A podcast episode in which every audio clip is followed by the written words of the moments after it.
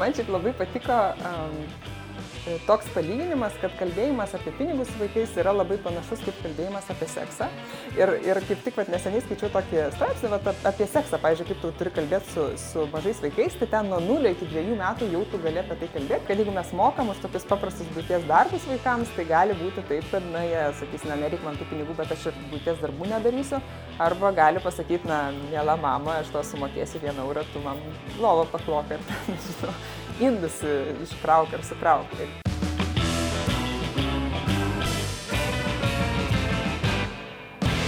Sveiki, su jumis sveikinasi leidyklos Alma Litera podkastas knyginėjimai ir aš Vitalija Maksvytė. Na ir kaip jau įpratote, vėl susitinkame pasikalbėti knygas, apie istorijas, kurios lepiasi po knygomis, kalbiname autorius, domimės aktualiausiamis temomis. Ir šį kartą kalbamės apie temą, kuri atrodo labai paprastai, bet iš tikrųjų nėra tokia paprasta, e, tai pinigai. Ir aš pati savo gyvenime labai dažnai susiduriu su žmonėmis, kurie išreiškia labai skirtingą nuomonę, skirtingą savo santykį su pinigais, nuo to, kad pinigų turėti, apie pinigus kalbėti, pinigais domėtis yra gėda, tai yra netiška, apie tai kalbėti negalima, iki tų, kurie sako, kad pinigai tai yra žmogaus gyvenimo tiesiog um, kokybės išraiška ir kad tie žmonės, kurių gyvenimas yra kokybiškas, būtinai turi turėti pinigų ir pinigai yra jokių būdų neblogis, o galimybė įgyvendinti savo svajones, padėti kitiems ir panašiai. Tai tema, apie kurią tikrai yra ką kalbėti, kuo pasidomėti ir jeigu mes jau pradedam kalbėti apie konkrečius klausimus, tai norisi rasti ir žmonės, kurie galėtų mus pakonsultuoti. Ir aš leidykloje labai džiaugiuosi, kad mes išleidžiame vis daugiau knygų pinigų ir finansinio raštingumo tema, na, o dar labiau džiaugiuosi, kai tų knygų autoriai yra lietuviai. Ir šiandien mes kalbamės su Lina Banytė Sirplienė, finansinio raštingumo mokymų autorė, ne tik knygos, ar ne, bet ir knygos, kuri visai neseniai pasirodė apie pinigus su vaikais, paprasti patarimai tėvams, kaip paruošti vaiką ateities pasauliui. Tai Lina, jau sakiau, kad labai mane džiugina, kai mes turime ne tik stiprią temą, bet ir lietuvių autorių, autorių, kuris gali pristatyti tą temą, jai atstovauti, ją advokatauti. Ir, um, na, pradėsiu nuo to, nuo tavo pačios žodžių, kad laisvė yra geriausia dovana jūsų vaikui ir mes kalbam ne apie bet kokią laisvę, bet apie finansinę laisvę. Papasakok man, kodėl.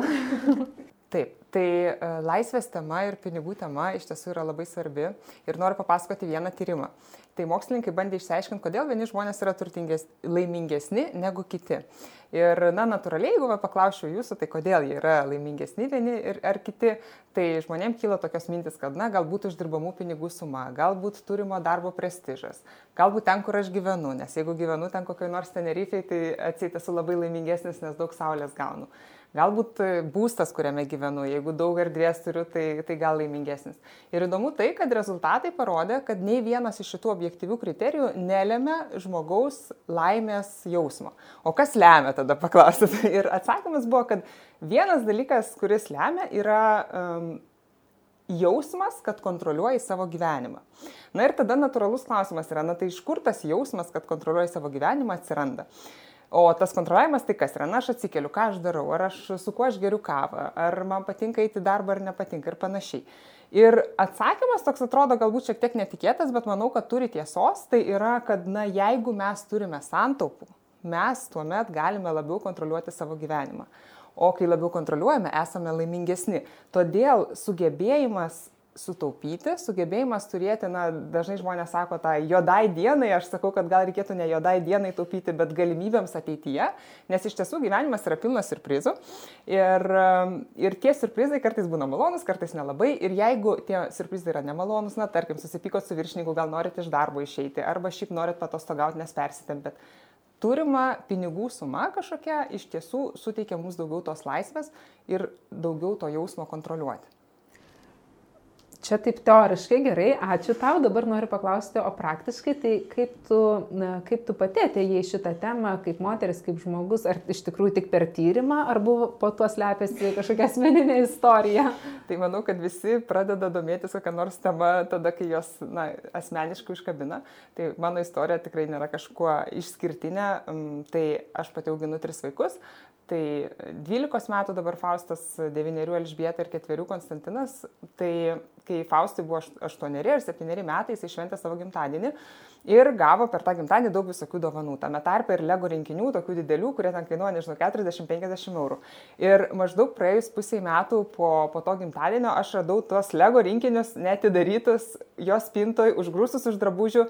Ir aš tada tokį turėjau, na, nušvitimo momentą, aš galvoju, na, kaip gali būti taip, kad vaikas na, visiškai na, nevertina to, ko turi. Ir pradėjau galvoti, kad na, jis tiesiog yra šiek tiek palepęs, nes na, mūsų šeima iš tiesų gyven, gyvena pakankamai neblogai, pinigų mes turim, ten labai susiveržę diržų nesam. Na ir tada to, toks gaunas ir manau, kad tokių šeimų dabar Lietuvoje yra nemažai, kad nu, tu kaip ir gyveni iš to, ką turi ir, ir kartais nepagalvoji, kad, kad mhm. vis dėlto vaikams reikėtų parodyti, kaip su tais pinigais elgtis. Mm, mes kalbam dabar apie tą vidurinį sluoksnį, kuris atsiradęs yra Lietuvoje ir ne per tos kelis mūsų nepriklausomybės dešimtmečius. Taip, sakyčiau, kad taip, tai yra e, būtent tie žmonės. Mhm. Ir apie tai, kad jie ar jų vaikai neturi tų finansinio raštingumo įpročių. Ar tu pati turėjai, jūsų šeima su, su, yra išsiugdžiusi? Aš sakyčiau, kad šio laikiniai tėvai, na, va, kurie dabar turi tokius 6-7 metų vaikus, nuo kada jau gali daugiau kalbėti apie pinigus ir vyresnius, jie vaikystėje arba iš viso negavo jokio finansinio ūkdymo um, ir tikrai yra nemažai tokių, kuriem tėvai sakydavo, kad pinigai tai čia ne tavo reikalas, nesikiš čia saugusiai reikalas, arba jie gavo tam tikrą finansinį ūkdymą, bet tai buvo toksai maždaug reikia taupyti. Ir aš sakau, jeigu šio laikiniai tėvai gavo principą vaikystėje, kad reikia taupyti, tai yra jau super gerai. Bet reikia suprasti, kad finansinis raštingumas ne, nepasibaigia tik tai taupimo įgūdžiu. Taupimas ir vargu ar yra... jo prasideda. jo, geras klausimas, kažkodėl didžiai daliai žmonių atrodo, kad e, tai yra tik apie taupimą ir apie sugebėjimą sutaupyti, bet e, labai svarbi dalis yra uždirbti, sugebėti kurti vertę Tada yra taupyti, žinoma, protingai leisti, investuoti, planuoti, planuoti taip, investuoti tai yra auginti tos pinigus ir dalintis. Ir apie visą tai ir kalbu savo knygoje. Aš pati prisipažinsiu, kad aš esu ir iš tų žmonių, kurie iš vaikystės neturėjo, net galvoju ir apie taupimą, turbūt šito žinutės nebuvau gavusi, finansinio raštingumo įgūdžių ir tikrai man buvo didžiulis atradimas, kad na, pinigai tiesiog yra viena iš sričių, kurią tu gali labai ramiai ir labai tvarkingai susižiūrėti, susiplanuoti, išsidėlioti ir tada, kaip tu ir sakai, atsiranda ir tas laisvės, ir saugumo, ir ramybės jausmas.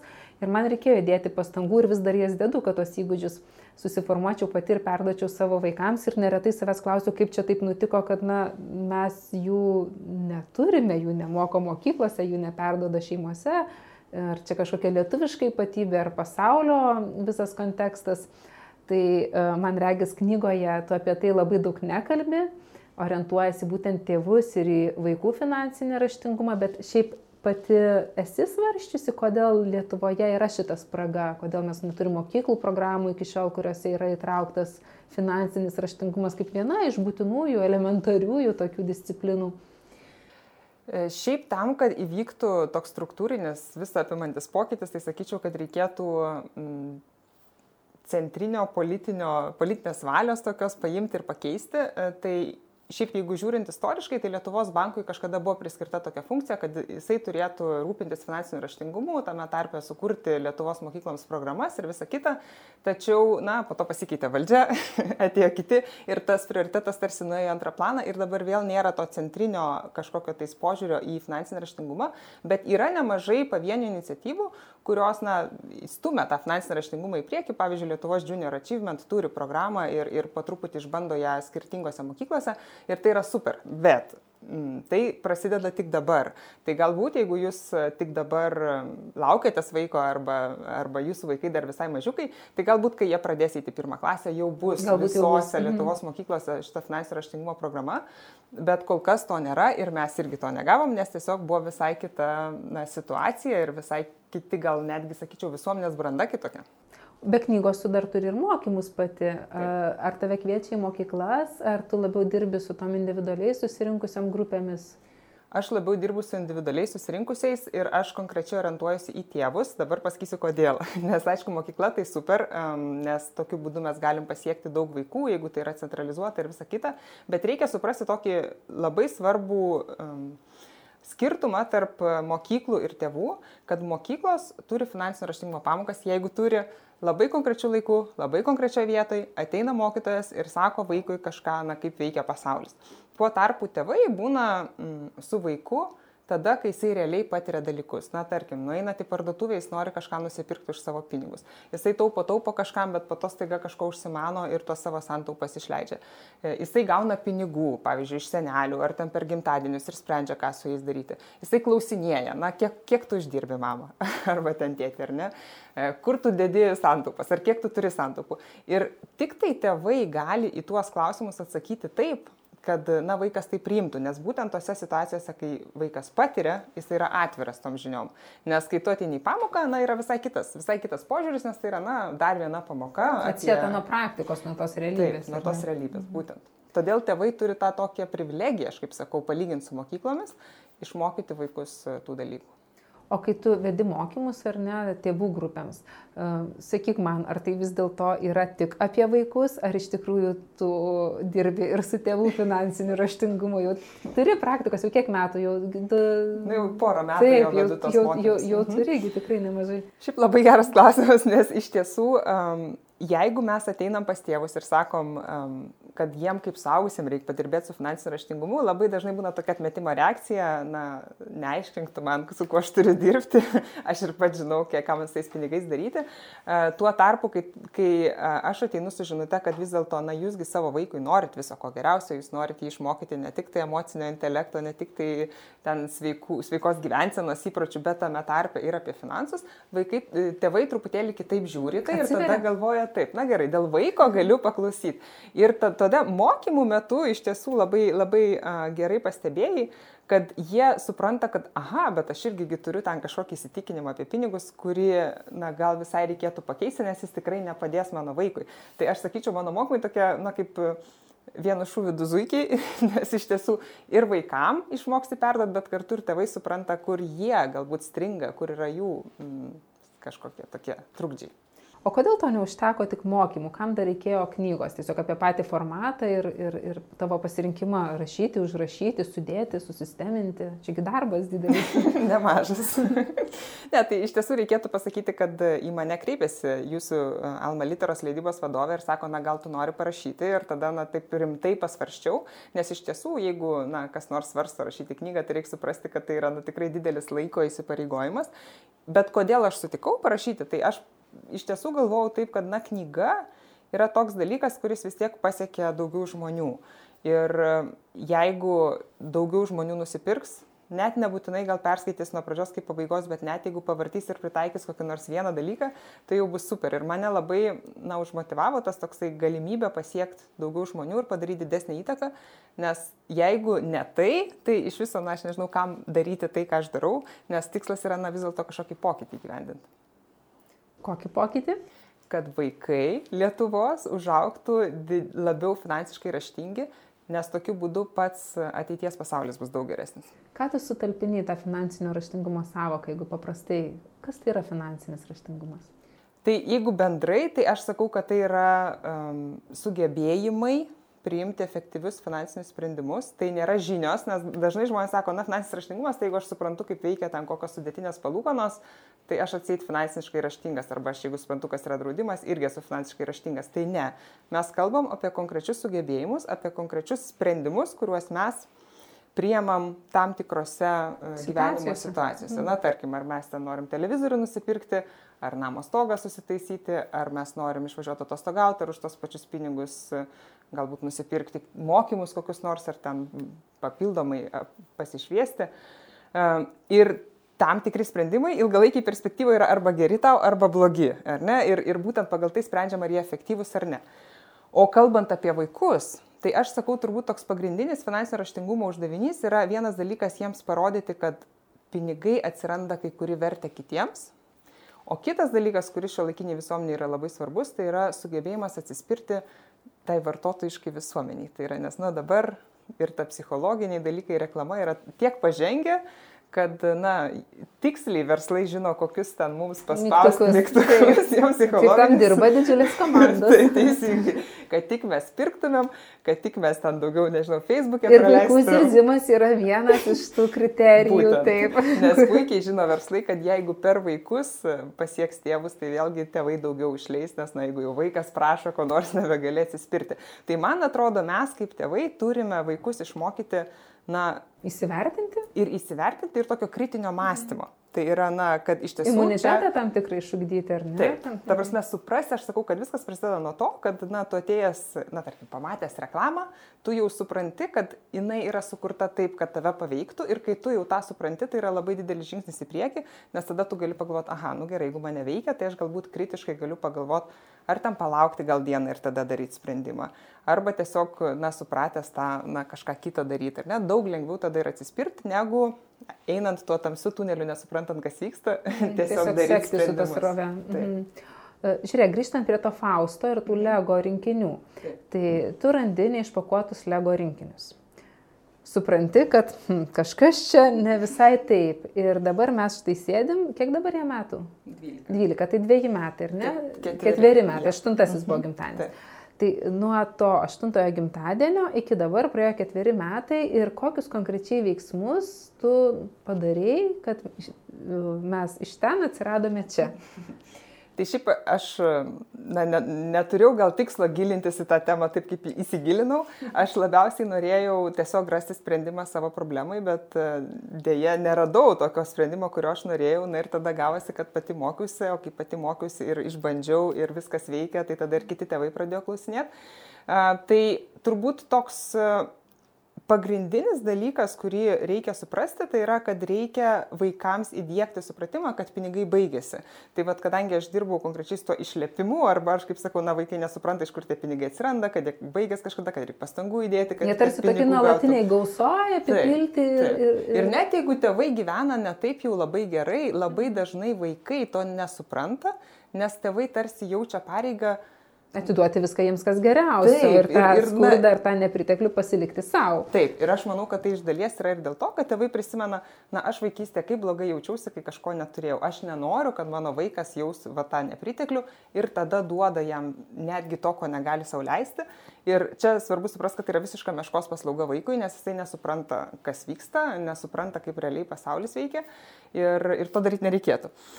Tai, e, o kaip dabar vaikus išmokyti, kad tie pinigai baigėsi, tai aš sakyčiau, geriausias įrankis yra kišenpinigiai, nuo kokių 6-7 metų galima pradėti reguliariai duotos pinigus, vėlgi ne šiaip sauduoti, o duoti už konkrečią sutartą atsakomybę, tai yra, na, dabar aš tau nebepirksiu knygučių, dabar tu už savo pinigus pirksi knygutes. Ir jeigu netyčia vietoj knygučių prisipirki šokolado, na tai jau aš tau daugiau pinigų neduosiu tom knygutėm.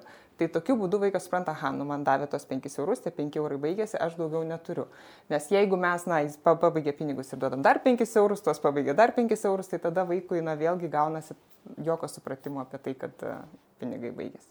Ir taikai su savo vaikais, taikot šeimoje. Taip, taip, taikau ir va dabar kaip tik labai džiaugiuosi kažkaip uh, jau turbūt kokią pastarąją savaitę su Faustu vis šnekam apie tai, kad jis labai nori naują kompiuterį įsigyti ir jis ten nori pats susirinkti atskirai kompiuterį, atskirai monitorių, pelę ir ten klaviatūrą.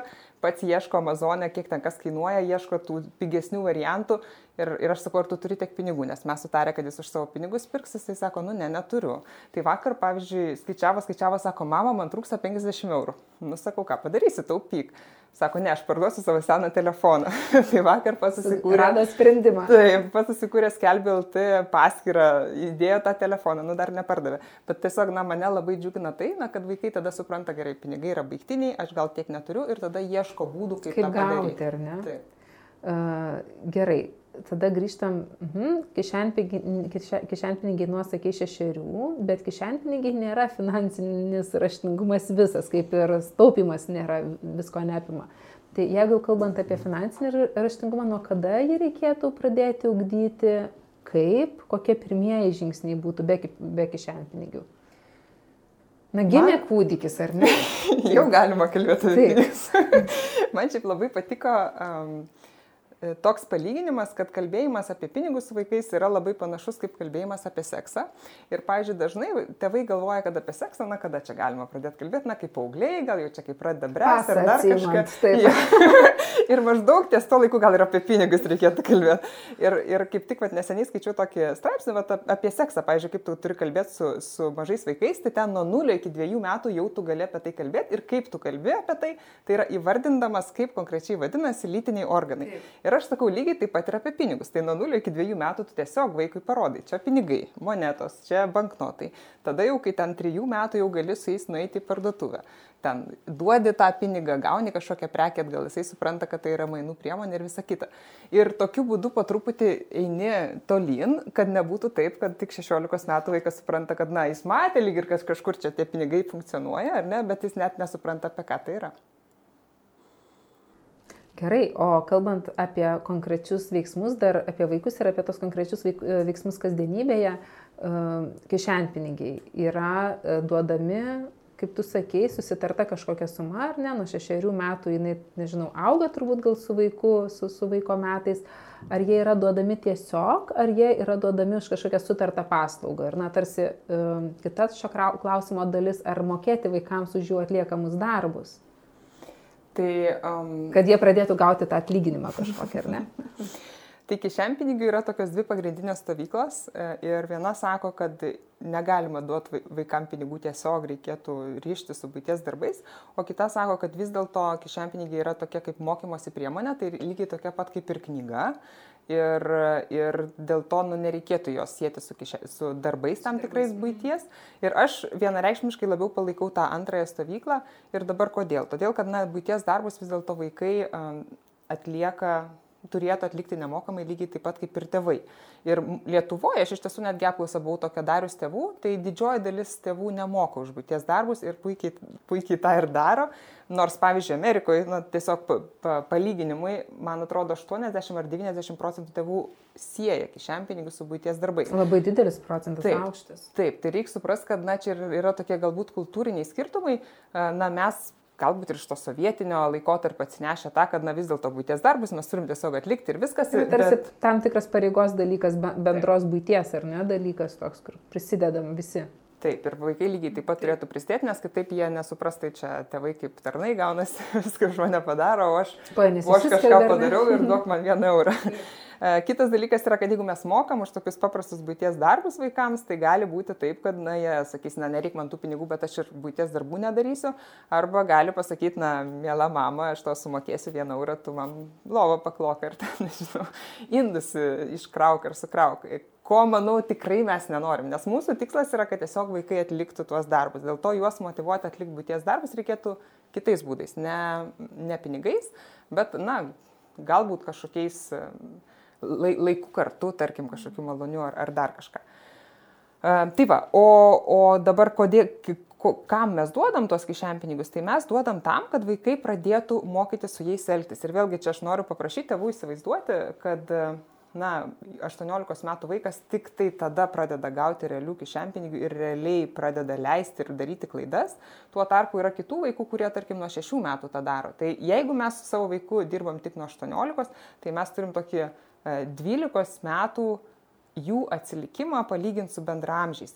Jie tada, nu įsivaizduokit, 12 metų patirties darbe, pavyzdžiui, ne, nu, tai yra milžiniškas kiekis informacijos ir, ne, ir patirties ir viso kito. Tai, na, manau, kad ne vienas tėtis ar mama nenori savo vaikui tokio atsilikimo. atsilikimo. Kita vertus galvoju, žinai, apie tuos, aš turiu keturis vaikus, vyriausiam 14, jauniausiam 2 Ir galvoju, Sveikinu. kad... Ačiū. ir, vis, ir kišenpinigius jie gauna irgi pagal savo amžių. Aha. Bet galvoju apie tai, kad kai tu pradedi su vaiku nuo šešerių metų mokytis, arba su vaiku nuo 18 metų, tai tiesą sakant ir sumos, su kuriomis pradedi, yra kitokios. Nes jeigu vienam užteks euro, tai kitam tikrai euro neužteks 18 metų kišenpinigių. Jo, ir čia reikia suprasti, kad na, visi mes, kai pradedam mokytis kažkokio naujo įgūdžio, visada darom klaidų. Tai Taip. Tai geriau tas klaidas daryti su... Už mažesnę kainą. Taip, negu su 50 eurų, nes na tiesiog. Taip. Tai čia papildoma motivacija tėvams, kad jie pradėtų kuo anksčiau. O šiaip mano pačios galvoje buvo labai daug įvairiausių keistų, tokių, sakyčiau, nesveikų įsitikinimų, mitų tam tikrų, netgi susijusių su pinigais, aš jau ir pradėdama šitą pokalbį minėjau, kad pavyzdžiui, kalbėti apie pinigus yra nepadoru. Esu susidūrusi pati su tokiu sakiniu, va šiais laikais visiškai kalbam ir staiga žmogus sureaguoja, ne, ne, mes tokiamis temomis nekalbame. Mhm. Arba pinigų, pas, pakankama kiekį pinigų, labiau pasiturintys žmonės būtinai yra užsimantis kokiais nors ten nešvariais verslais, nešvariais dalykais, kad nebūna didelių ir gerų pinigų, išvariai ateinančių pinigų. Tai man taip gerai reikėjo prasiravėti galvą ir savo nuostatas, o tu ne tik su savim dirbi ir ne tik su savo vaikais dirbi su tėvų grupėmis, tai su kokiais įdomiausiais, keiščiausiais įsitikinimais tau yra tekę susidurti. Tai reikia suprasti, kad iš tiesų mūsų įsitikinimai apie pinigus, tai yra tėvų įsitikinimai apie pinigus, nesąmoningai persidoda vaikams, tai tą visi tėvai turėtų suprasti e, ir kaip jie persidoda, tai yra, na, per tokius dalykus, aš sakau, kaip komentaras kažkoks, arba mes net žvilgsnis, pasižiūrime tą geriau gyvenantį kaimyną, ar ten jo naują mašiną kažkaip taip, ir vaikai realiai namus skaito. Skaito. Jo, ar mes kažkokią istoriją pasakojam, kad va čia tas ten kažką ar nupirko, ar išleido, ar dar kažką. Ir visi tie mūsų įsitikinimai per, tas, per tą kasdienį gyvenimą, nu, automatiškai eina vaikams ir jeigu mes patys nesuprantam, kokius mes juos turim, tai na, tada tokia tikrai turim liūdną gal situaciją, nes e, tada eina iš kartos į kartą, tol kol kas nors, va kaip e, tu, ar ne, pagalvoja, kad ne, stop, gal vis dėlto noriu prasiravėti tą galvą ir, ir pasižiūrėti. Um, tai o kokie tie įsitikinimai būna, nu, tai tavo paminėti irgi yra dažni. Pavyzdžiui, kalbant apie vaikų mokymą, apie pinigus, tai dažnai, e, turbūt pats dažniausias Lietuvoje toks e, pamastymas yra, kad, na, ne pinigai svarbiausia. Čia toks posakis, ne? Ir kaip ir mes gal ir visi sutinkam, kad gal iš tiesų tie ne pinigai ne pinigų, svarbiausia. Ne piniguose laimė. Ne piniguose laimė, taip, taip na, ir, ir, ir panašiai.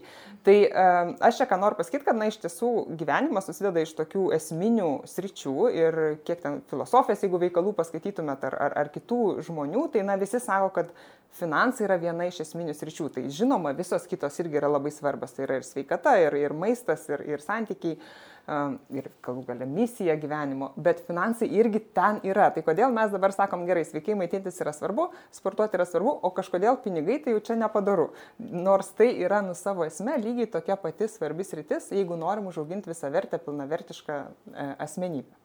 Nes, jeigu dabar tu mane pataisyk, jeigu aš netaip suprantu, bet ką aš pati savo esu išsiaiškinusi ir e, kaip aš dabar suprantu finansus, tai yra tokios veikos, apytakos, santykio su pasauliu išraiška. Aš kuriu vertę, ar ne, na, tu ir, irgi tai sakė, aš kažką duodu žmonėms, duodu žmonijai, duodu pasauliui ir man už tai grįžta. Kodėl grįžta pinigais, nes šitame pasaulyje mes esam susitarę, kad pinigais, ne burokais, ne bulvėmis, ne, nežinau, ne akmenėmis ir ne kriauklelėmis, ar ne? Ir tai yra labai paprasta.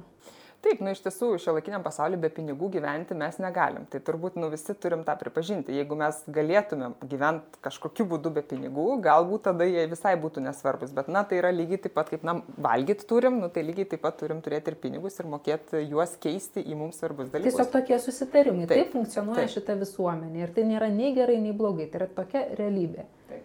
Mhm, gerai. Ir, e, o tavo vaikai klausia, kas yra pinigai, mama, ar, ar jau jie viską išmano ir tau nereikia. Gal dabar nebeklausia. dabar nebeklausia, nes, na, galbūt kažkada klausė, dabar jau net neatsimenu, bet iš tiesų, kas yra labai svarbu, tai ne, nebijoti su vaikais pakalbėti apie tai, o jeigu jie patys neklausia, tai mes galim užduoti tos klausimus. Tai va, visai neseniai, va, matau čia ant stalo taip, ir naujieną, diskusijų kortelės mhm. apie pinigus su vaikais, tai jos būtent ir yra skirtos tėvams, kurie galvoja, na kaip čia tais vaikais apie tos pinigus pakalbėti, nu bet kažkaip atsisėdi, pradedi kalbėti, kad reikia taupyti ir vaikui labai neįdomu. Tai čia yra įrankis, kuris padeda tą temą labai įdomiai paliesti. Žaidimo forma tam tikra. Taip. Galima, aš va, išpakavau iš karto, jos labai gražios, spalvingos, tvirtos, vaikams nusi, ir tėvams, ir vaikams nuo 7 metų 110 kortelių. Aš pati nesu labai didelė stalo žaidimų gerbėja, bet mano vaikai mėgsta visus e, tokius kortelių pavydalo žaidimus, alijansus ir, ir visa kita. Tai turbūt mane toks įrankis irgi motivuos su vaikais, kur nors leidžiant laiką ar net važiuojant automobilyje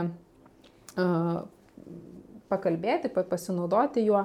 Čia pavyzdžiui, jeigu, aš kaip sakau, kada, ne, tėvai mhm. sako, neturime laiko čia tokiam dalykam ar ne, ar ten nelabai mėgstu, tai iš tiesųgi dažnai tėvai atsiduria tos, tokiose situacijose, kad būna, na, vaikai, vaikai sako, neturiu ką veikti, mama, ten mhm. tėti. Nuobodu. Nuobodu, jo, ką man veikti. Arba važiuojam automobiliu kažkur toliau, ar ne, ir irgi neturi ką veikti, tai sakau, pasiemi tas korteles ir sakai, na, paskaityk, ar ne, tą vieną klausimą ir pakalbėkim, padiskutuokim.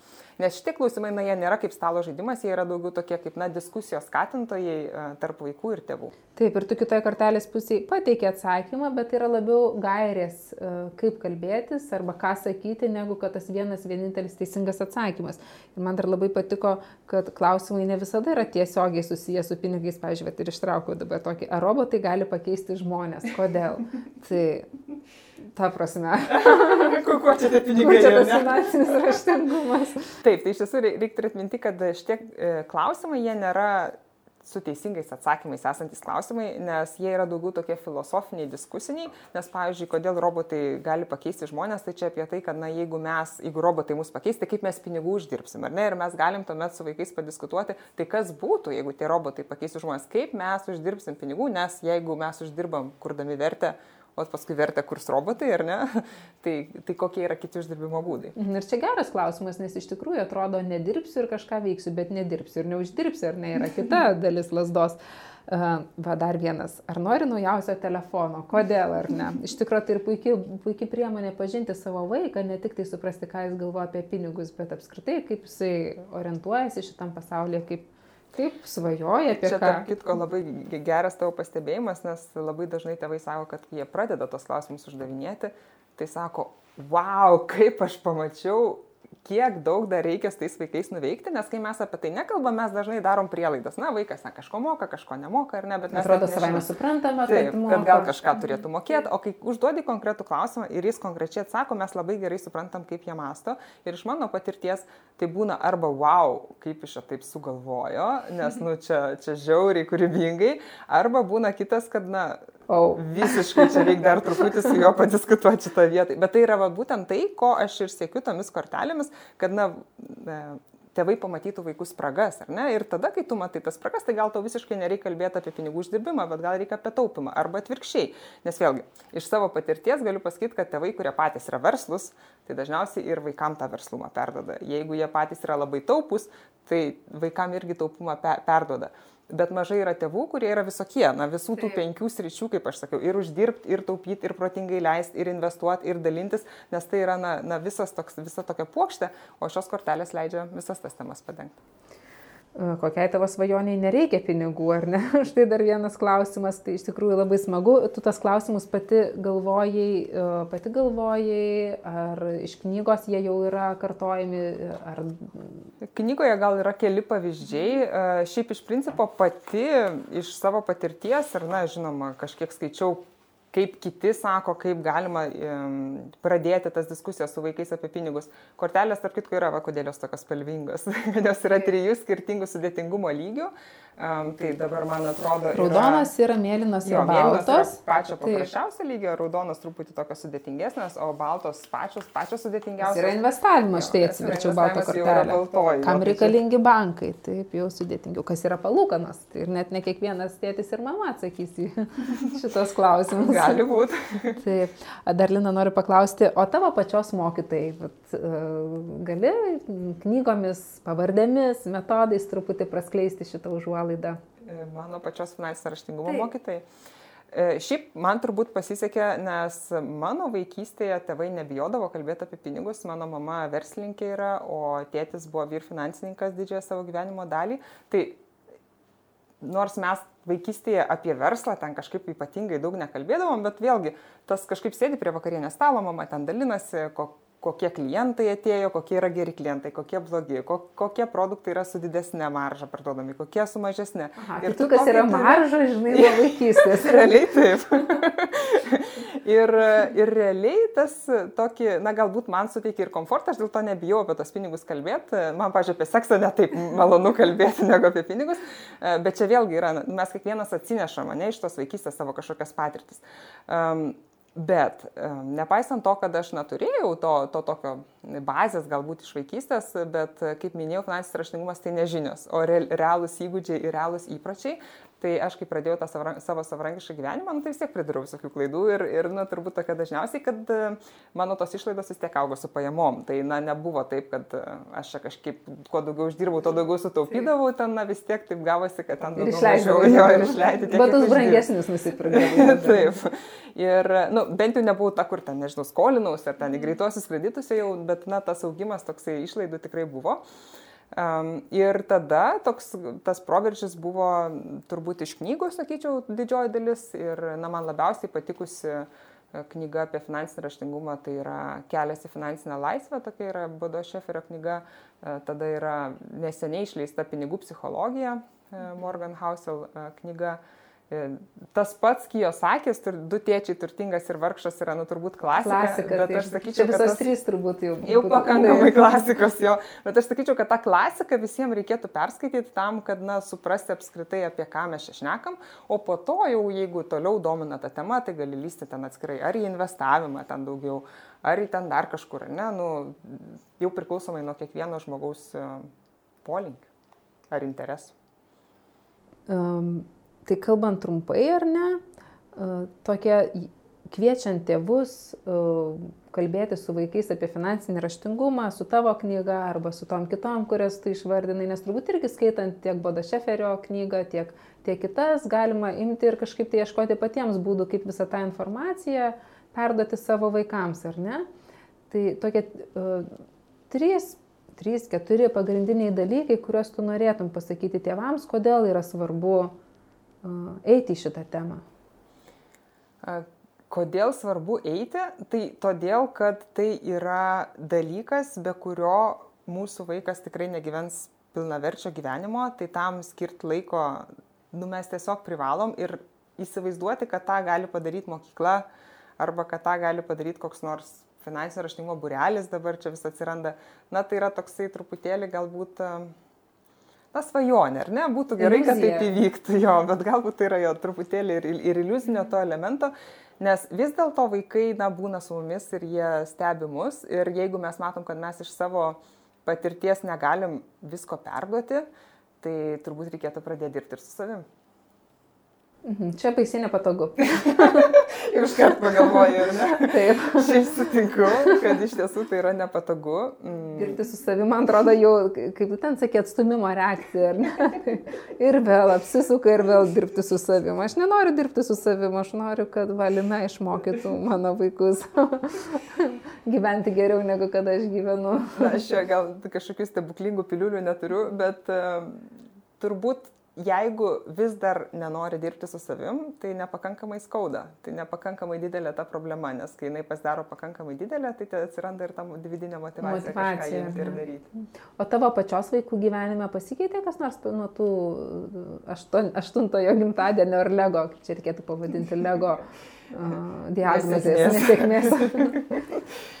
tai, na, um, iš tiesų, na, mano vaikai, aš dabar, kai juos žiūriu, tai jie, nu, tikrai turi tą tokį labai gerą supratimą, kaip viskas funkcionuoja, kaip tie pinigai veikia, patys jie investuoja į, į paskolas, gauna tas palūkonas, susiskaičiuoja, kiek ten ką jie turi daryti, patys nusprendžia, kad, pažiūrėjau, nori paukoti Ukrainai. Um, ten apie taupimą ir ten apie, netgi apie tą pinigų uždirbimą, va, tas pats mano uh, pavyzdys, kur dabar sugalvoju, reikia telefoną parduoti ar ten, nežinau, klasiokams kokį nors limonadą parduoti brangiau negu aš maksimui nusipirkau. Tai jie tokie, aš kai žiūriu dabar, aš tiesiog, na, aš turiu pasakyti, kad aš džiaugiuosi, mm. ką matau juose. Ir, na, bet čia yra tik tai mano vaikai, bet aš labai džiaugiuosi ir kai matau tie tėvai, kurie mokymuose sudalyvauja ir kaip realiai jų gyvenimas pasikeičia. Ir po to mes kalbam, jie sako, na, na čia tiesiog toksai, uh, Labai stiprus pokytis gyvenime iš to, kad, na, aš nežinau, kas su to mano vaiku bus, iki to, kad, na, va, jis dabar ir pats įrodo iniciatyvą ir užduoda klausimus ir pats domisi tą temą, ko anksčiau visai nebuvo. Turbūt vaikams patinka, kai jie pajunta tą laisvę, nuo ko mes pradėjome, ar ne, tai turėtų būti gera, kai tu supranti, kad tavo rankose yra šitie įrankiai ir jie veikia.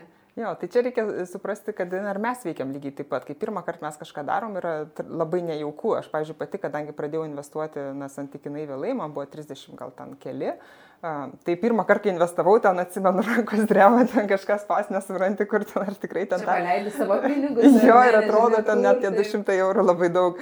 O tuo tarpu, pavyzdžiui, mano Faustas, kai aš jam, na, kai, kai nežinau, ten jam gal kokie 9-10 metų buvo, kai jis pirma, pirmas tas investicijas darė, aš žiūriu, jis visai kažkaip paprasčiau žiūri. Jo, lengvai. Ir aš galvoju, kad jis, kai bus 30, tai jis, nu, turėdamas tą 20 metų patirtį, Tai jam iš viso tos investicijos, jis, ai, čia jo, čia gerai, čia, čia, čia gera galimybė, čia bloga, čia, čia tiek investuoju, čia niek, čia skirtingos rizikos. Nu, tai tai va, aš galvoju, reikia suprasti tai, kad tas mokymasis, kai tu mažas, labai lengvai vyksta. Taip. Ir iškerta kelią visokiams baimėms ir nepasitikėjimui, ne, turbūt netgi tam pačiam nepilnavertiškumo, ne visavertiškumo kompleksui, kuris gali susiformuoti vėliau, tai tokia labai gera prevencija. Tai vat vienas iš dar nuostatų tokių, kur tikrai klaidinga tėvų nuostata, tai yra, e, kad jeigu aš kalbėsiu apie pinigus, tai užauginsiu materialistą. Mhm. Ir tie materialistai, na tai kad jie tik apie pinigus galvos, Taip. jie čia tik tai mąstys, kad e, kaip čia ką nors apgauti, kad tik daugiau čia tų pinigų uždirbtum ir visą kitą. Ir reikia suprasti, kad e, iš tie tyrimai vėlgi rodo, kad dažniausiai materialistus užauginam tada, kai apie pinigus nekalbam. O kai apie pinigus kalbam, mes kaip tik užauginam bendruomeniškus žmonės, labiau savimi pasitikinčius, suprantančius savo vertę, valdančius savo gyvenimą, sugebančius priimti tinkamus sprendimus. O kai nekalbam, kas atsitinka, kai nekalbam? Kai nekalbam, tada vaikai patys pasidaro išvadas iš to, ką mato. Ir jeigu jie mato, kad, na, pavyzdžiui, tėvai vėlgi ten važinėja su kokiu nors nauju automobiliu ir turi naujausią telefoną, jie gali pasidaryti išvadas, kad čia yra labai svarbu gyvenime turėti naujausią telefoną ir naujausią automobilį. Ir jeigu mes na, nieko apie tai nepasakom, Tai, tai, na ir užauginsim tos materialistus ir kas yra tie materialistai. Tai yra žmonės iš principo nelaimingi, nes jie nuolat e, lyginasi su kitais, jo, jie, nu, jiems atrodo, kad tie daiktai iš tiesų kelia jų vertę. Jie yra dažniausiai lengvai manipuliuojami žmonės, nes, na, tada draugai pasakys, ai, tu čia negali kažko sauliaisti ir jis iškavos, oi, beje, iš tiesų negaliu leisti. Ir, na, ir dažnai būna ir arogantiški tada, ar ne, na, kad aš va čia turiu, o tu neturi. Tai, ta prasme, iš tiesų, Tai yra dvi tokios labai skirtingų dviejų žmonių paveikslai ir skirdami tam laiko mes galim užauginti tą paveikslą, na, tą žmogų, norim, kurį norėtume užauginti, pilietišką, atsakingą ar ne. Ir man dar svarbu būtų turbūt dar, dar kartą užfiksuoti tai, kad tu sakėjai apie tas penkias rytis kad e, ir, ir įtariu, kad gali būti, kad nežinodami tiesiog tėvai gali supaprastinti tą finansinį raštingumą pagal savo pačių modelį, kokį jie yra perėmę ir kokiame jie gyvena, iki vieno arba dviejų iš tų dalių, ar ne, kaip ir vieni ten taupo, kiti tik investuoja, kiti bet jokių būdų neaukoja ne, ne, ne arba ne, primink, kokie tie penki yra. Taip, uždirbti. Uždirbti, taip protingai leisti, tai yra suprasti, kaip atsispirti tom visuomenės pagundom, taupyti, tai čia disciplina tokia, sugebėjimas atsidėti, investuoti, tai yra auginti tą pinigų medį, aš kaip vadinu, ir dalintis. Tai penkios, penkios rytis. Taip, tai gali būti, kad tu kažkurias bus ir apleidęs, dėl to pasiimti visą tą penketą, pasižiūrėti, pasitikrinti pačiam, kur aš esu ar ne, kuriuos įgūdžius turiu, kurių ne, ir siekti to balanso, nes skamba taip, kad jeigu aš esu pasirūpinęs visomis penkiomis rytimis, tai bus balansas. Aš ir uždirbsiu, ir investuosiu, ir pasidalinsiu su kitais, nebus tik tai, kad aš čia materialistas ir tik savo dirbu, ar ne. Tarsi atrodo, kad labai sveika ir, ir, ir naudinga. Tai visiškai teisingai ir aš dažnai tėvų klausiu, sakau, tai kuri iš šitų penkių sričių pas jūs labiausiai apleista? Tai nu, visiška mažuma tėvų atsako, kad visas padengiu. Didžioji dalis tėvų atsako, kad mažiausiai turbūt dėmesio yra skiriama investavimui, na, nes net ir mums tėvams tai yra na, pakankamai. Tai turbūt Lietuvos specifika, aš galvoju, ir vis dėlto tas mūsų um, sovietinio laikotarpio, ar tai, kad mes dar tik 30 metų be tos, kaip tu sakai, geros valios ir politinės taip, finansinio raštingumo programos gyvename, ar ne? Na ir tada, žinoma, yra dalis tėvų, kurie tam dalinimuose nedengia, kita mhm. dalis galbūt uždirbimo nedengia, nu, dažniausiai dengiama, kaip jau minėjau, tai turbūt yra taupimo. Taupimo, čia irgi, čia irgi istoriškai turbūt yra susiklostę ir mes turim tą ne tik tai pinigų taupimo dar, na, pakankamai gerai atsimena mūsų tėvai seneliai karą, pokarį ir ir kitus sun, sunkiuosius tuos laikus ir tas taupimas tarsi ateina kaip, kaip vienintelė arba retam, kuriam, ne, ne vienintelė, bet viena iš tų kelių tik tai, ne visų penkių sričių. Dar grįžtant prie knygos, mhm. man labai um, patiko, turbūt tas žodis būtų, kad tu taip drąsiai trauki ir dabar vaikus pasakodama ir knygą, tikrai, nu, ten skaitai ir čia va tas, čia tas, jie minimi, jie dalyvauja. Nebu... Apie, apie savo vaikus. Taip, apie mhm. savo taip, vaikus. Taip, mhm. Tai jie žino, kad jie šitoje knygoje yra taip išviešinti ir padėti. Ir jie žino. Netgi mes čia e, diskutavom su, e, su leidikla nuotrauką dėti, ar tik mano, ar šeimos, tai kažkaip mes net su vaikai šnekėjom, sakau, ar, ar jūs nieko, kad įdėsiu jūs, jie sako, kad ne, nieko, bet vis dėlto po to nuėdėjom tik tai, taip, tik tai mano nuotrauka, nes kažkaip mano nuotrauka tai toks labai asmeninis dalykas. Šiaip apie, tuo, apie tas istorijas, tai jie žino, e, aš kartais ir Facebooką, kadangi turiu savo grupę apie vaikus ir pinigus, tai Deja, bet kartais, na, kai kas nors šeimoje vyksta, tiesiog pasidalinu su visais, kad, na, mhm. įkvėpti kitus tėvus. Aišku, dalinuosi ne tik tai savo istorijom, bet ir kitų tėvų istorijom, jeigu jie pasidalina, nes, na, aš manau, kad tai yra labai svarbu, nes tada mes girdėdami tą pavyzdį patys galvom, kaip galim pritaikyti. Bet mes su vaikais esame sustarę taip, kad jeigu tik jie, aš netgi prieš pausindama dabar klausiu, sakau, ar, gerai, ar aš galiu tą viešai tai pasidalinti. Mhm. Ir jeigu tik jie sako, kad ne, nesidalink, mama, aš nesidalinu. Gerbi tai, jų ribas. Jo, tai čia tas, aš manau, tikrai yra labai svarbu, nes na, nėra tikslo dabar juos padaryti kažkokiais viešais asmenim. Uh, turiu pusbrolį, dabar aš pasidalinsiu savo šeimos istorijom ir neatsiklaususi, kas baisiausia, bet gal mano pusbrolis nesupyks. Turiu pusbrolį, kuris labai irgi myli šitą temą, kaip ir tu, jam labai patinka. Ir kartą mes esame su juo diskutavę apie finansinio raštingumo ir elgesio su pinigais ypatybės, mhm. kaip jos yra susijusios su tuo, kelintas vaikas tu esi šeimoje. Mhm. Pirmas, antras ir trečias. Ne? Ir tu pati turi kokią nors žinių šitoje srityje, arba gal pastebi konkrečiai savo šeimoje jau kažkokius aš ne, skirtumus. Aš nežinau, ar tai yra labai su pinigais specifiškai susiję dalykai, tiesiog reikia suprasti, kad mūsų pirmas vaikas tai yra mūsų visiškas eksperimentas. kad mes visi pirmą vaiką auginame pirmą kartą. Tai a, todėl aš netgi, nu, nežinau, nedarau kažkokio tais normalus statistinio tyrimo, bet, bet iš to, kiek šneku su žmonėm, jeigu klausia, su kuo turi daugiausia problemų tėvų, Tai visi sako su pirmu. visi kiti ten viskas yra tvarkoj. O kodėl? Na, todėl, kad mes patys mokomės. Nu, ir tas galiu paklausti, kaip keturių vaikų, nes nesu pirmu daugiausia problemų. O aš čia nebūsiu išskirtinė. tai, um... bet, kad, bet, bet tai niekaip nepaneigia to, kad aš tikrai pritariu tavo minčiai, kad tai yra pirmas vaikas, yra didžiausia mokykla. Taip, nes mes mokomės, mes gal ir knygų skaitom, mes ten bandom su vaiku, ten norim jam viso ko geriausio, bet natūraliai mes dar neturim tų, tų natūralių įgūdžių, tai tame tarp ir su pinigais. Tuo tarpu visi kiti, na, vaikai, ar ne, jeigu ten antras, trečias, e, tai, na, kažkaip viskas gaunas kaip ir natūraliai. Labiau savaime, ar ne? Labiau savaime ir, ir aš manau, kad didžiausia dovana tiem kitiem vaikam yra, kad, na, patys tėvai mažiau užsispazmavę, nes, nes to pirmu, nu, tu ten per tą didelį norą, kad ten viskas būtų teisingai, tu pats toks truputį įsitempęs būni ir uh, ir, na, vaikai tai jaučia. Aš tik galiu pasidalinti čia gal, tokiu labai suvokimu, kuris mane pačią sukrėtė ir dabar prisiminiau, nedažnai prisimenu, bet dabar prisiminiau ir pasidalinsiu. Kai gimė mano antras vaikas ir truputį paaugo ir staiga aš suprantu, kad mano antras vaikas mokosi ne iš manęs. O iš ko? O iš mano pirmo vaiko. Ir turėjau tikrai va tokį, kad, nu tai pirmas aš čia mokausi, čia kažkaip mes bandom, paskui su antru man labiau pasiseks. Ir staiga suprantu, kad tam antram vaikui, nu taip, aš jau gal ir turiu įgūdžių, bet jis daug dažniau žiūri į savo sesę. negu į mane.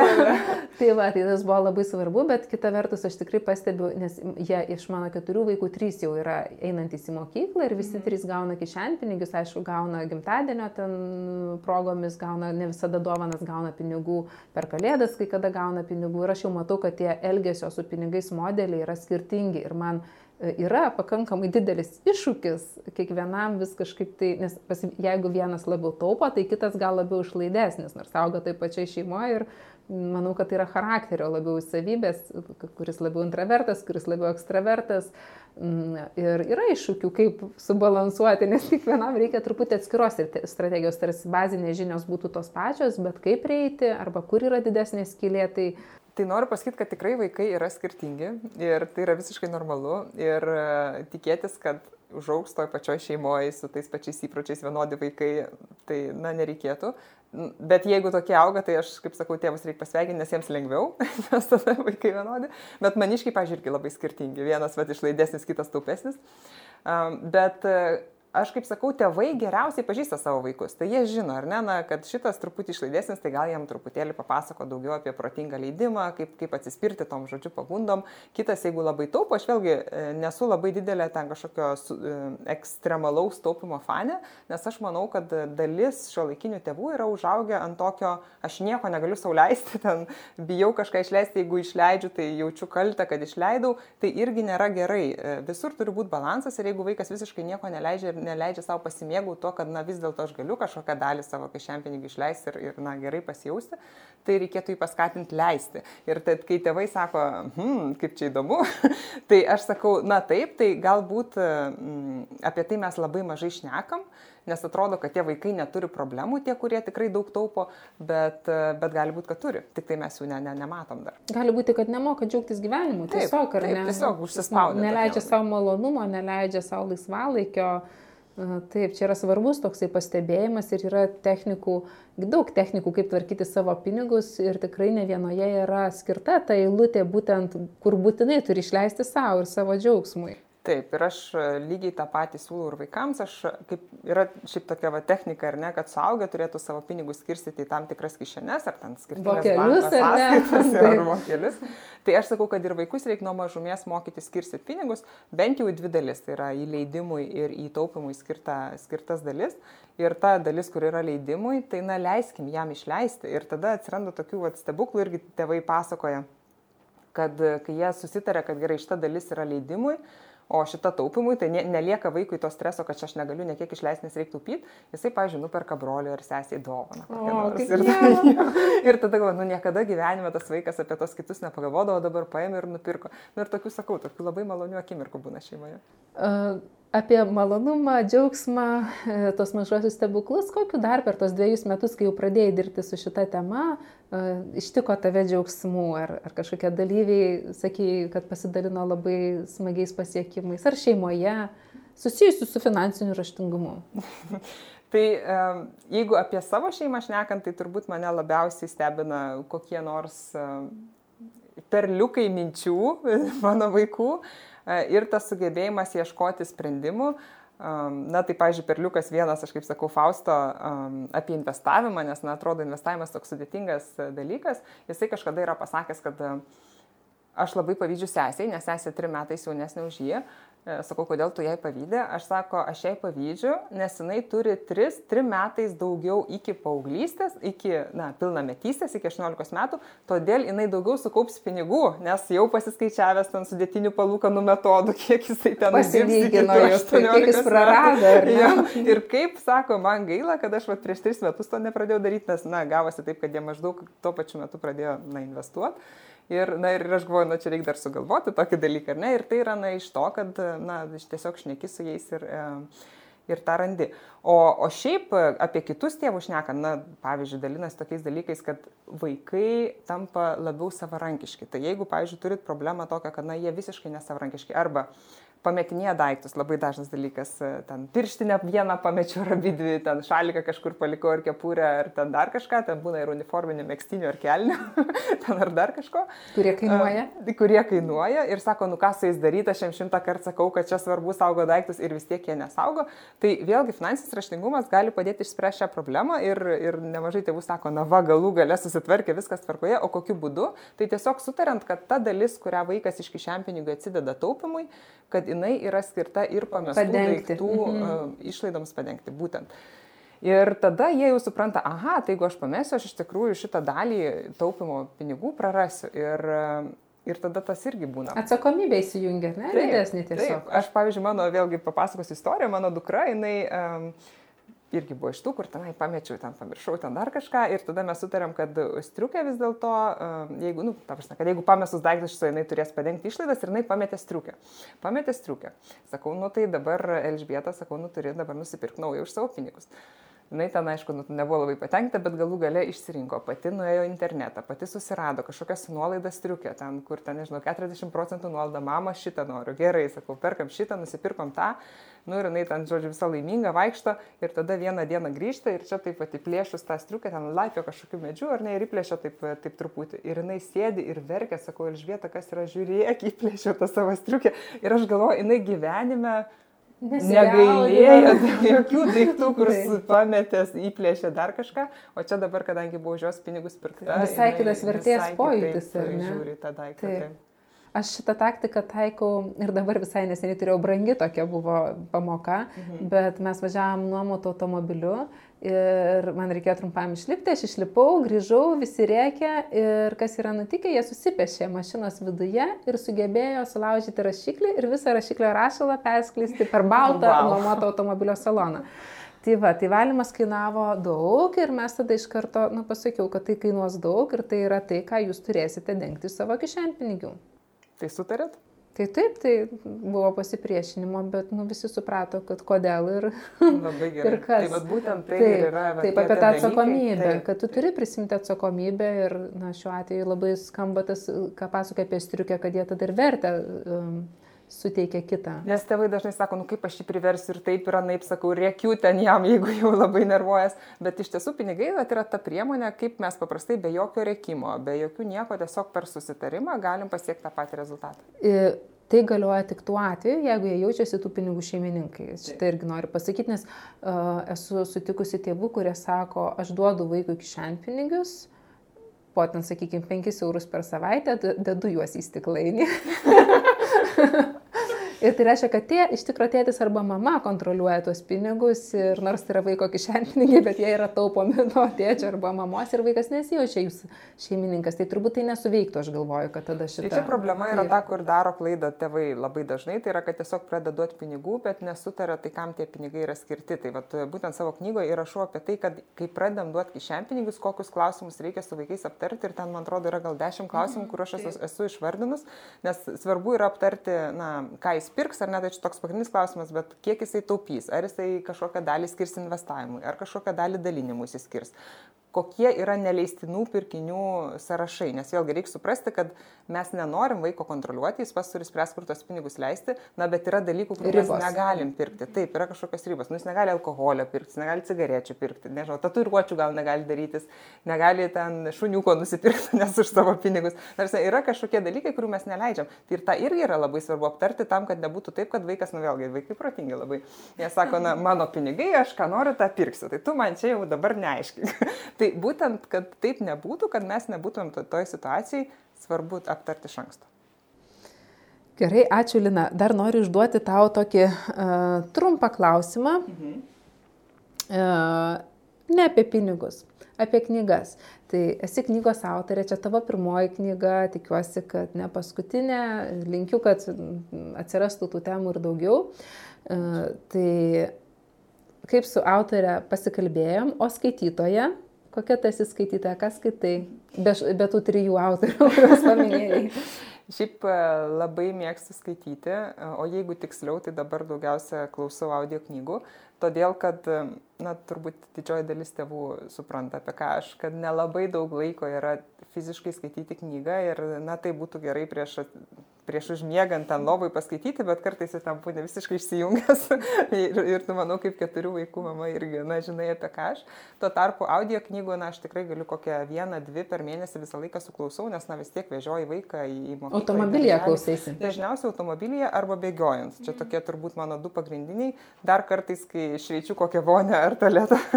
bet, nu, bet čia gal, gal rečiau ir, ir mažiau to laiko. Uh, tai labai mėgstu. Ir, ir, ir mėgstu daugiausia saviugda, nes aš ją taip atradau gal prieš kokius e, penkerius, šešerius, gal septynerius metus ir man atradau su tokiu labai dideliu džiaugsmu, nes, na, aš tiesiog supratau, kiek platus yra pasaulis ir kiek aš jo plačiai nemačiau iki toliai ir kažkaip na, mane labai užkabino ir aš, ir aš pradėjau daug tų knygų klausyti.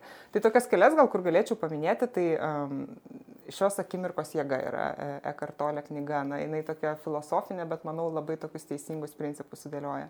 E, pasąmonės gale. Um, patinka man tokios ir um, mokslinės galbūt šiek tiek galima pavadinti, pavyzdžiui, mąstymas greitas ir lėtas, kur ten irgi dėlioja apie tai, kaip mes mąstom, ar ne, kad yra dvi, dvi smegenų sritis. E, faktų gale tokia yra išleista knyga. Tai, um, tai va tokio tipo knygos yra tos, kurios na, padaro mano dieną šviesesnę, gal taip pavadinčiau. O tu šiaip prašai, kad finansinis raštingumas yra ir prisistatai, kad finansinis raštingumas yra tavo hobis. Tai noris iš karto paklausti, tada kas yra tavo darbas? Tai e, iš tiesų labai ilgai aš dirbau mokesčių konsultacijose ir tai tas finansinis raštingumas buvo mano hobis, bet e, prieš pusę metų išėjau iš to savo samdomo darbo ir galbūt dabar jau reikėtų sakyti, kad tai yra ne tik mano hobis, bet hobis, kuris tapo ir mano veikla. pagrindinė veikla. Taip, tai dabar tam skiriu na, didžiąją dalį savo laiko. E, O šiaip tai darbas yra turbūt ir, ir mama būti, ir žmona, ir, vis, ir visas kitos rolės, e, bet iš to va, tokio profesinės pusės tai šitas užima daug laiko. Ar galiu tavęs paklausti? Ne, aš galiu tavęs paklausti, tu gali neatsakyti, ne taip pasakiau.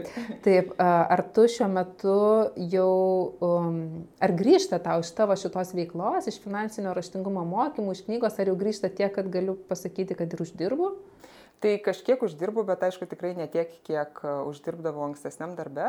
Bet na, to aš ir tikėjausi, nes iš tiesų pradant bet kokią veiklą, na, pradžia nėra labai lengva. E, ir tam, kad išsuktum tą, na, reikia įdėti ir daugiau laiko. Reikia įsisukti. Reikia įsisukti.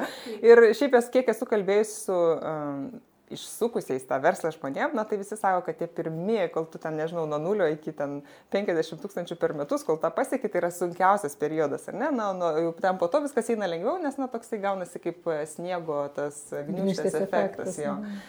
Um, taip, va, tai, na, aš turbūt esu dar tose pirmose stadijose, bet, na, tikrai augu po truputį ir tuo džiaugiuosi. Tai kokie artimiausi tavo projektai? Yra svetainė, yra mokymai, mokymai yra tikrai na, daug dabar ir interviu, turbūt ir pokalbių, ir audio knyga, ir fizinė knyga. Kas toliau? Tai dabar iš tiesų daug mano laiko e, išeina tai knygos viešinimui, tos diskusijų kortelės. Turiu tarp kitko ir kitų žaidimų, kurios, kurie kol kas yra tik elektroniniu formatu mano svetainėje. E, o šiaip mano didžiausias dėmesys tai vis dėlto yra mokymams, e, tai yra mokymai tevams ir mokymai organizacijoms, nes aš asmeniškai labiausiai tikiu tuo, kad mokymai, kadangi jie yra, na, gyvi, aš galiu atsakyti žmonių klausimus, aš galiu jiems, nu, nu jų tuos visus kažkokias abejonės įsklaidyti, tai yra efektyviausias būdas kažką padaryti, nes knyga, e, na, niekaip aš ne, nepadedu žmonėm įgyvendinti tai, ką jie perskaito ir sakyčiau, kad tik ne, nedidelė dalis žmonių, kurie perskaitys tą knygą, na, realiai kažką įgyvendins. Tai reikia turėti mintį tą, na ir visus noriu tėvus paskatinti ne tik perskaityti, bet ir įgyvendinti kažką. Ir jeigu reikia patarimo, tai gali pas tave ateiti ir individualias konsultacijas, ar tik į mokymus. Ir Taip, individualiai kreiptis. Individualias mhm. konsultacijas, kol kas neturiu daug tokių žmonių, bet jeigu yra poreikis, tai tikrai galim paskalbėti. Kokie trys dalykai nuostabiausi, gal įspūdingiausi atradimai, jau kalbant ne apie šeimą, ne apie šeimas, kurios, ne tavo šeima, tas šeimas, tos tėvus, kurie pas tave lankėsi, bet kalbant apie tą platą į pasaulį, mokslo tyrimus, kažkokius mokytojus, išvalgas, na, kurie tau labiausiai patiko ar labiausiai nustebino šitoje finansinio raštingumo temoje. Būtent finansinio raštingumo mhm. temoje. Gali ir kitas paminėti. Aš sakyčiau, kad e, turbūt svarbiausi dalykai tai yra tokie, kad uh, pinigai tai yra, na, tokie kaip energija, ar ne? Ir jeigu tu jiems skiri dėmesio, tai um, tas dėmesys grįžta atgal su kaupu, o kol tu bandai juos ignoruoti, tai, na, jie vis tiek, na, ne visai ignoruojasi. Vėlgi čia iš savo patirties galiu pasakyti, kad tie žmonės, kurie sako, kad pinigai man nesvarbu ir iš viso aš juos nekreipiu dėmesio, dažniausiai apie pinigus šneka daugiausiai. Ir kodėl taip yra? Todėl, kad uh, na, jiems skauda, ar ne, nu, jiems kažkas nepavyksta, jie gal ten nestaupo ir visa kita. Ir, na, man čia irgi toks buvo įdomus dalykas, nes aš galvoju, nu, kaip taip gali būti, kad žmonės, kurie sako, man čia nesvarbu, bet tuo pačiu šneka, na, aš neturiu pinigų, čia man neužtenka, čia kaip man daugiau uždirbti, o tie, kurie sako, kad man svarbu, jie apie tai šneka labai nedaug. Nu, jie tiesiog pripažįsta, kad man svarbu. Ir daro. Bet jo, bet tavarsne ir viskas, ar ne, nu, ir ten yra susidėlioję tą savo sistemą, kuri, kuri veikia. Kitas dalykas yra, kad na, aš apskritai pati labai tikiu e, sistema. Tai yra, nu, jeigu mes visą laiką gyvensim mintimi, kad, na, reikia dabar, pavyzdžiui, ne tos vaikus mokyti apie pinigus, reikia mokyti, kaip čia mokyti, nežinau, čia visą kitą. Tai labai daug e, reikalauja energijos. Jeigu mes tai padarome įpročiu arba, na, į, į, įvelkame į sistemą, tai tuomet, na, tai yra daug paprasčiau. Ir čia turbūt vėlgi ne tik apie pinigus, apie absoliučiai bet ką. Ten ir apie sportą, ir apie mytybą, ir apie visą kitą.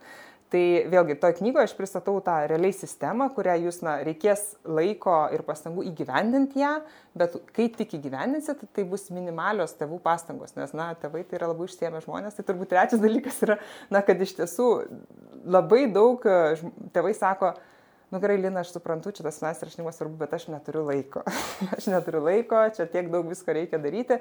Tai um, ką aš ir bandau tėvam padėti, kad um, to laiko Tai vienas dalykas, aišku, yra prioritetai, e, bet kitas dalykas tai yra, kad, na, iš tiesų reikia truputį skirti pradžioj, bet po to to laiko reikės vis mažiau. Įsivažiuoja viskas, ar ne? Taip. Ko nenorėtum, kad tavo skaitytojai apie tave sužinotų? Labai suktas klausimas. Aš kaip tik galvoju, šiaip turbūt visi autoriai na, nori atrodyti tokie kaip ir tobuli. Ir aš taip kartais galvoju, kad turbūt labiausiai ko nenoriu, kad žmonės žinot, kad aš netobulai esu. Nes, na, visi mes esame netobulai, esame žmogiški ir va kaip tik galvoju, vakar um, buvau nuvažiavusi parduotuvę ir atsitiko toks labai, na, sakyčiau, gėdingas dalykas, jeigu, nežinau, esi buvus toje situacijoje, tai, um, na, turbūt suprasi apie ką aš. Aš nuėjau į kasą, žodžiu, ir, ir ten prisipirkau visokių prekių, atsistoju, net, nu, čia atsiskaityk, pip tą kortelę ir sako, neužtenka lėšų. Ir aš stoviu ir galvoju, na, šiaip pas mane suskirsit atskirom sąskaitom, aš kaip ir kitoj sąskaitoje turiu, bet to neturiu. Ir dabar aš gerai galvoju, dabar reikia man persivesti iš tos kitos sąskaitos. Atsidarau tą, žodžiu, appsą, ten bandau persivesti, stovi eilė žmonių. Ir galvoju, kaip gerai, kad jie nežino, arba aš tikiuosi, kad jie nežino, kad aš ką tik išleidau knygą apie pinigus su vaikais, nes dabar stoviu ir neturiu savo kortelį pinigų. Tai, um, tai va, tai šito gal nenorėčiau, kad žinotų, dabar jau papasakoju. Čia, žinai, yra labai gera strategija, kad tai ko labiausiai bijai padaryti savo tuo, na, paviešinti ir tada tai tampa tavo stiprybė. Ir iš tiesų nereikėtų to bijot. Aš kartais sakau, mes gal kaip ir tėvai norim pasirodyti prieš vaikus kažkokie visažiniai, visagaliai, kad mes čia labai super su tais pinigais tvarkomės, bet iš tiesų reikia pripažinti, kad visi mes kartais pridarom klaidų. Ir dovana, kurią mes galim duoti savo vaikams, tai yra pasakyti, kad aš padariau tą klaidą. Atvirai papasakot. Bet nežinau, gal per daug išleidau, pamačiau kažkokią gražią suknelę ir ten kažką nusipirkau o dabar galvoju, kad va čia gal be reikalo, nes beryčiau tą suknelę. ir kai mes tai pasakojam ir kai vaikam perdodam ir e, pamoką, kurią iš to išmokom, ar ne, tai e, mes jiems suteikiam nerealią dovaną suprasti, kad klysti yra visiškai normalu ir kad nereikia sąs užsiplakti dėl to. Labai gerai. tikiuosi, tie, kas išklausė iki, iki, iki šitos vietos, tai tikiuosi, kad patyrė tą malonumą ir džiaugsmą leisti savo būti netobulam ir, ir daryti klaidas. E, Lina, e, pats paskutinis tikrai jau klausimas, e, man ir asmeniškai labai rūpėjo paklausti. Ką tik išėjo tavo knyga? Ir ką tik išėjo tavo vyro paruošta knyga, tai šeimoje du autoriai dvi knygos ir trys maži vaikai. Tai kada jūs rašot? Kada tu rašai ir kada jūs abu rašot? Jo, čia toksai sutapimas, aš kaip sakau, kad mes kartu išleidom tas knygas, rašėm truputėlį skirtingų metų, bet realiai išėjo jos dviejų savaičių. Taip, tą pačią metu. um, Geras klausimas, kada mes rašom, turbūt sėkmės tokia formulė yra ta, kad mes esam pasiskirstę tiek ir būties darbais ir, ir kažkaip bandom susiderinti iš anksto, kas kada ten ar vaikus nuveš ar parveš ir, ir kas už ką yra atsakingas. Ir kitas dalykas, na ką vėlgi čia turbūt yra tos mano bendros gyvenimo filosofijos išdava, kad reikia nepamiršti, kad vaikai irgi gali labai stipriai padėti ir būtyje, ir, ir ten su tais pačiais pinigais, jeigu tu jiem perleidi daugiau atsakomybių, jie patys daugiau um, jų ir prisijims. Pavyzdžiui, va dabar um, mes va, podcastą filmuojam, O, o vaikai va, turėtų va, tai iš mokyklos patys grįžti autobusu, nes aš sakau, šiandien negaliu. Tai va, sėskite į autobusą, parvažiuokit, būtinai pasimkite namų raktus ir laukit manęs namie. Ir tai yra na, visiškai normalu mūsų šeimoje, nes kitaip, jeigu tu savai įsispaudi tai, kad na, visada aš turiu juos pasimti, patarnauju, turiu jo ten kažką padaryti, visada išskalbti, visada pagaminti, tai tada tikrai to laiko nelieka. O kai, o kai paskirstai tas atsakomybė šeimoje, tai na, jo kažkaip ir atsiranda. Ir rašai kada vis dėlto? Na tai rašiau iš tiesų, buvau pasiemus atostogas ir rašiau realiai nuo ryto iki vakaro. Skiriai tam laiko tai tiesiog. tam laiko, ypač paskutinius ten mėnesį du. Na, o tą ilgesnį periodą tai tiesiog rytais skirdavau valandą, dvi atsisėsti ir parašyti. Rytais iki vaikams atsikeliant, ar kai jau jie išeidavo? O čia labai geras klausimas, nes problema yra ta, kad e, mano mažasis e, keturmetis, jisai nelabai turi aišku laiką, kada keliasi ir aš kartais, kai suplanuoju, aš atsikelsiu anksčiau ir padarysiu kažką ir jis atsikelia kartu su manimi ir man tai būna, a. tai kaip kada, e, tai stengdavausi tol, kol vaikai atsikelia, bet kartais ne visada pavyksta. Tai čia tokia tėvų kasdienybė. Mhm, taip, tai aš dabar kaip mama linkiu tau, kad kuo daugiau to laiko tokio atsirastų, kur e, niekas neišmuša tavęs iš plano ir gali ramiai atsisėsti ir, ir su arbatos ar kavos podeliu parašyti tą savo dalį kurią norisi parašyti, nes rašyti reikia ne tik knygai, turi svetainę, turi mokymus, tai tikrai medžiagos reikia susiruošti daug. Tai Ačiū tai aš šiandien tau labai dėkoju už viską, ką papasakojai. Tikrai, kaip ir minėjau, leidikla Alma Litera leidžia knygas finansinio raštingumo tema, va čia ir kitą turiu pasidėjusi, dar iki šiol jos būdavo verstinės vaikams skirtos, ta, tavo yra, dar kartą kartuosiu, nuostabu, kad lietuvių autorės, kurią galima pasiekti, pasiekti ranką, pačiupinėti, paklausti rūpimų dalykų ir skirta tėvams, visiškai šimtų procentų pritariu tau, kad kai mes kalbame apie vaikus, tėvų sąmonė, ne tik piniginės, bet ir sąmonė, protas, širdis, širdis atsiveria ir galima labai daug ko pakeisti ir išmokyti tėvus, nes jie dėl vaikų pasiruošę padaryti labai daug. Ir pati labai tikiu finansinio raštingumo temos svarba ir e, labai džiaugiuosi to, ką tu darai. Ir leidikla turi tau dovaną Taip, paimsiu tuoj, pasidėjau ant lentynos štai toliau. Ir parinkau, parinkau nežinodama, kad tu esi saviugdos gerbėja, tai džiaugiuosi, kad pataikiau. Taip, tinginystės mitas, e, moksliniai tyrimai, išvalgos ir kasdienės praktikos, irgi su, ir su lentelėm, ir su klausimynais apie leidimą savo patingėti. Ir šis autorius um, teigia, kad mes nors dirbame daug daugiau šio laikiniai žmonės, bet ir esame mažiau laimingi, mažiau patenkinti ir daug daugiau pervargę. Ir kažkas čia yra ne taip, tai kad gal vis dėlto tingėti yra leisti savo tingėti yra gerai. O, ačiū tai, labai. Taip, linkiu, kad tavo šitoje sistemoje, kurią esi susikūrusi savo gyvenimu ir kurią daliniesi su kitais, atsirastų ir ta jinai turbūt yra, e, galvoju, čia prie to e, malonumų sąskaitos. Tingėjimas įtrauktas, bet kad būtų nepamiršta tada ir puoselėjama šitas rytis. Šitą mokusi. tai ačiū, Lina. Ačiū, kad pakvietėt.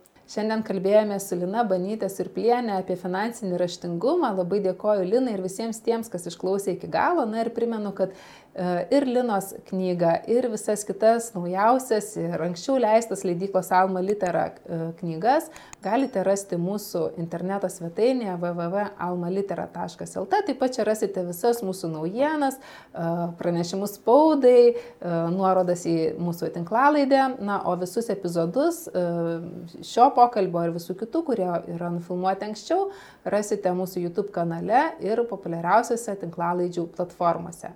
Ačiū šiandien už buvimą kartu, atsisveikinu iki kito karto.